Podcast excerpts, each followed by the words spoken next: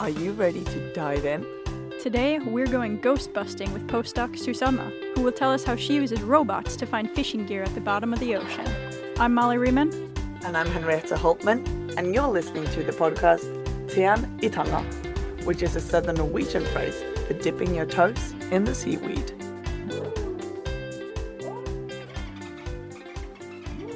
Today, we're here with Susanna.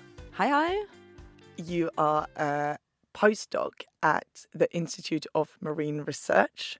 Welcome to us. Thank you very much. You've told us that you hunt some very specific ghosts. I do. I do hunt for ghosts, actually, a ghostbuster. Oh, wow. Yeah. Could you please tell us how you hunt for ghosts? Yes. Well, the ghosts I do hunt for, that is uh, ghost fishing gear. So that is actually uh, lost fishing gear when uh, fishers lose uh, their gear due to any reason and it ends up on the seafloor. Then it often continues to fish. And that's termed ghost fishing. That sounds like some very scary ghosts. Yes, it is. It's uh, it's very scary, and it when it uh, the traps continue to capture fish, and no one takes them out, they will of course in the end die in the trap. They will not have enough food, and there will be competition within the trap. Maybe a lobster will eat the fish that's in there, and so on. And in the end, when the animals are dead, then they are a nice smelling bait for new animals that will enter the trap and get caught. And then we have this vicious circle termed the ghost fishing. Wow, yeah, that's that's not very nice. No. But this gear, uh, traps especially, that's all on the seabed. Um, how do you get to them? Yeah, no, it's uh, cleaning up on the seafloor is, I guess, one of the harder th- things, uh, one of the harder places to clean up because it's hard to reach. So the the equipment that we mainly use uh, is ROVs. So that's uh, remotely operated vehicles. That stands for. So it's actually underwater uh, robots that we control from the boat.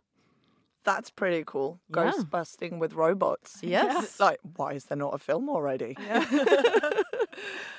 uh, so how how deep can you go and find these ghost gears? Yeah, the depths we usually uh, search here in the coastal zone, that's down to about 90 meters. And that's because that's what's practical with the kind of ROVs uh, that we have. Uh, but of course, uh, there might be, and there is, ghost fishing gear also deeper. But uh, we mainly focus on this uh, um, down to 90 meters. Though. So, when you guys go out with the ROV to look for the gear, um, do you have a camera that's showing you what you're seeing on the bottom, or how is it that you actually like see the gear, and how do you pick it up? Yeah.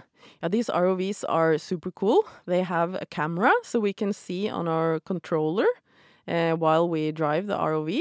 So we have a little screen where we can see uh, where the ROV is uh, going, and then we control it with these uh, joysticks, basically. Uh, so we get to see a lot of seafloor uh, that probably no one has seen before. so that's very uh, interesting. And um, when we see a gear, then uh, the ROV also has a little claw so that we can uh, approach the gear and uh, yeah catch it basically and then haul it up by the by the cord of the ROV which is uh, strong so we can lift about 50 kilos from this this uh, cord so it's a very solid uh, solid ROV yeah definitely Yeah. Are there efforts to um, make a sort of like automatic search for these traps that are down there?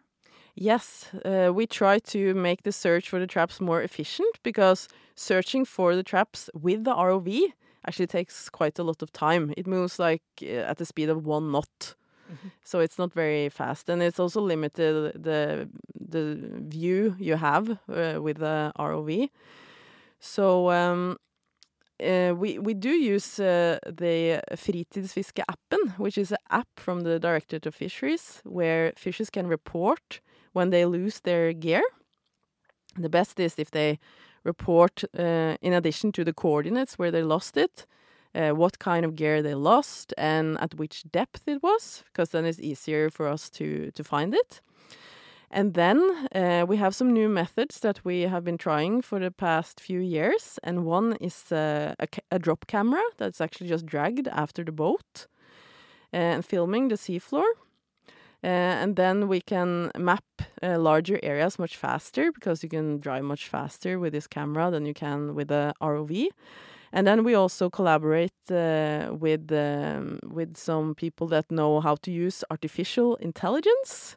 So they can actually run this on uh, our videos, and the artificial intelligence can pick out the traps, uh, so that we don't have to look at the video uh, ourselves, because that's a lot of work. And also, uh, the artificial intelligence is better than us at uh, actually identifying the gear, because uh, the seafloor can be murky, the conditions can be bad, but so we might not see the gear, but this uh, the artificial intelligence picks it up. So that's a, a big uh, a big help. Right. Mm. Uh, and uh, if you were to go deeper, I would assume there might be ghost gear all over the sea. It's possible, yeah. How, are there any other options than ROVs? Yeah, um, the Directorate of Fisheries they have been cleaning up uh, big nets from industrial fishing along the Norwegian coasts for many decades. So they use quite a different uh, equipment. They need like large boats with cranes, and they hook these uh, these uh, nets and trawls that are lost on the in the deeper seas. So you said they've been doing that for years, and I assume you guys have been doing it for a little while now. How much is out there? Yeah, that's a good question because in the beginning we actually didn't have any idea because I mean we don't have an overview over the seafloor obviously. So that was one of the first questions that we wanted to answer. So we did this um, we're working mainly in the beginning in Raet National uh, Park, which is a national park outside of uh, Arendal, Grimstad and Tvedestrand here in the south of Norway. Uh, so we had uh, we started off with a zero vision for ghost fishing in this national park. So uh, it's a combination of wanting to remove the gear that's already there and also prevent new gear from entering the park. And in the beginning, we wanted to choose, uh, or we we selected randomly uh, 50 areas in the national park uh, by random, and then we searched these uh, thoroughly uh, so that we can uh, estimate how much gear is actually in total in the national park. Uh, and uh, we are not completely done yet with all these uh, randomly selected areas, but from the ones we have uh, cleaned now, we have an estimate of around 10,000 lost gear in the national park. Wow, that's that's a lot. Yeah, that's a lot. And I mean, it's less than 200 square kilometers. So it's not a gigantic area. So, uh, yeah, it's a lot of gear down there. Yeah, you said the aim is a zero zero gear lost. Is that obtainable? That's a good question. I'm not sure if that is obtainable uh, as it is. And I don't really know also if that is actually the main goal now because we have expanded to other national parks along the Skagerrak coast. Mm. So distributed the effort a bit because one hard part about cleaning ghost fishing gear is actually locating the gear. Right. And if you come to a new area, like we have expanded to Færder uh, National Park outside of uh, Tønsberg, then you uh, can remove a lot of gear uh, more easily because the density is already high. Yeah. But when you have removed a lot of gear, it gets harder and harder to find the last remaining percentage of gear. So then it might actually be more efficient to just move to a new place and uh, start the effort there and get more gear up. yeah, that that makes sense. But have you found like any patterns of where gear might be located when uh, like when you start in a new place? Is there like a specific thing you're looking for to start?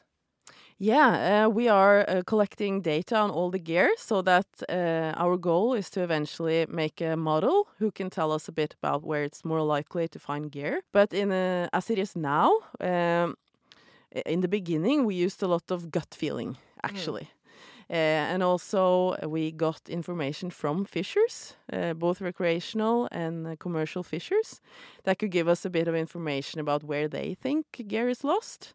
So we used uh, this uh, information and intuition to to look for these, and then it would be typically flat areas underneath the slope where the weather is harsh, these kind of things. Yeah. Yeah, it sounds like a, a bit of a community effort as well. Yeah, I think um, well, we need the the fishers to give us uh, to help us out with uh, with their knowledge, and also we uh, we uh, have the uh, impression that the fishers are happy that we are out and cleaning up the gear, and also uh, now it's mandatory to mark your gear with your name, both mm. the buoy but also the gear. And if we find gear that belongs to a fisher, we can um, call them and they can come and retrieve their gear. So that's a win-win situation. Yeah, that's that's lovely. Now, is the marking of the gear a new thing then? Yes, uh, it, it, has been mandatory to mark your buoy for a long time, but mm. as of January 2022, uh, you also have to mark uh, your uh, gear. So you've got this new implementation with uh, with the marking. Is there any other new fancy equipment or rules or regulation that is is used to reduce ghost fishing?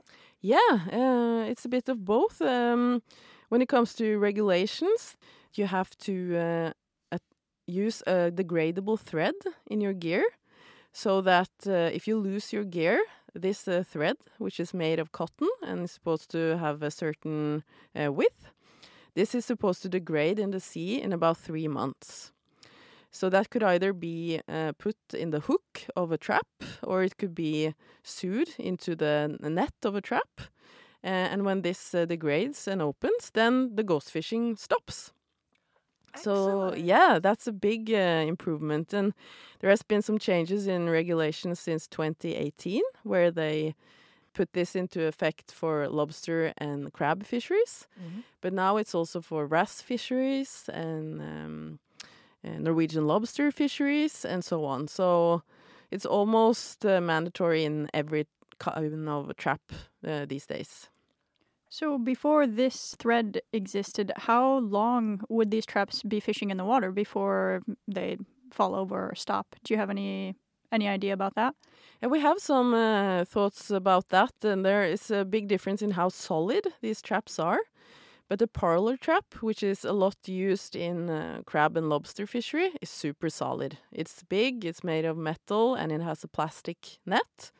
And uh, we have found traps that are uh, have been lost 10 years ago and are still fishing. So they can fish for at least 10 years. Wow. So that's a, that's a big difference now with the degradable thread where they will just fish for three months. But then you also have a lot of these uh, cheaper traps that you can buy, just these uh, collapsible traps, for example. Uh, and they are not so solid, so they often break. So they will not ghost fish as long as the solid parlor trap and the wrasse traps and this kind of uh, this kind of gear. But we have been working on a very big data set from divers because there are a lot of recreational divers along the Norwegian coast that has been collecting ghost fishing gear for many many years. And we have a data set now of more than 12,000 uh, recovered gear by divers. Yeah, it's great. It's a big effort they have uh, put into this. Yeah. And then we could see a bit uh, how the different gear ghost fish and how much the there is of the different types of gear. And uh, it's clear that the parlor trap is the most hazardous trap in in the Norwegian Sea right now because it's a lot of it and it's also so solid. So if it's lost, then it fishes uh, for a long time. Mm. How much fish and crabs is actually lost to ghost fishing? Do you know? Yeah, we uh, we already know that about a quarter of the gear that we collect has animals in it. So one or more animals that are either dead or alive when we find the traps. So that's one out of four. So that would be, yeah, if there are 10,000 traps in Raet right now, there will be two and a half thousand traps that are actively fishing. And the animal we most often find is the brown crab. Uh, but we also find cod and lobster. And uh, both the lobster and the coastal cod are threatened species in Skagerrak. So it's very bad when individuals are also lost to ghost fishing. Uh, but we have three uh, master students here at the University of Agder right now that are working on quantifying exactly how much ghost fishing takes out of these uh, local populations of crab, lobster, cod, and also wrasses. Mm. So we're very excited to see what they uh, find out and to see how much does ghost fishing take compared to the recreational fishery, how much does it take uh, compared to the commercial fishery, and so on. But there is uh, one issue is that we only get a snapshot of what is happening because we find the trap and we see the animals that are in it, but we don't know how many animals have been in the trap and died there before. So it's uh, that's one of the challenges with calculating these kind of things. Yeah. So what is the the future for for your research? Like where you said you moved on to some new uh, national parks. What is that? What lays ahead? Yeah, we have expanded to uh, Færder, Jomfruland, and Ytre Hvaler National Park in the Skagerrak. Uh, so we will also um, clean up gear from here and do some research on the the effect of ghost fishing in these areas. Um, and uh, of course, uh, after that, it um, would make sense to also expand a bit to the west coast, uh, central northern parts of Norway, to see how the situation is there, because uh, it's very likely that it, it will vary a bit how much gear is lost in different regions, but that there is lost gear everywhere, I think we can all agree. So Mm. yeah, we'll have a look. Um, we'd wish to expand a bit uh, to other areas uh, as well, and we can work on collecting the gear, but it's also important that we work on preventing new gear from being lost because we cannot continue this forever. Uh, so there will also be uh, questions relating to how we can maybe change the gear in itself. Uh, could we, um, uh, in some cases, switch to degradable gear and these things, uh, and also just prevent future gear loss is a big, uh, big part of this. So. So we have uh, made these uh, 10 tips for how to fish with a trap Nice. uh, that uh, can be found online. They're called uh, teinevett tips. Ooh. So if you're new to fishing with traps, you can uh, get some tips from here uh, from about how to rig your trap and how to consider the weather and conditions and these kind of things. And it can help you to uh, avoid some gear loss. Excellent. Well, it does sound like you're not going to be out of a job anytime soon, although you're working your best to become that. Indeed. Um, but this was really, really interesting. Thank you so much for coming and talking to us. Yeah, thank you for having me. Yeah. Best of luck on all your future ghost hunting. Yeah, thank you. Thanks for listening to Tiani Tanga, made by Molly Riemann and Henriette Hultmann. It's a podcast from the Centre for Coastal Research at the University of Agder. You can find more information about the Research Centre on our website or by following the link in the episode description.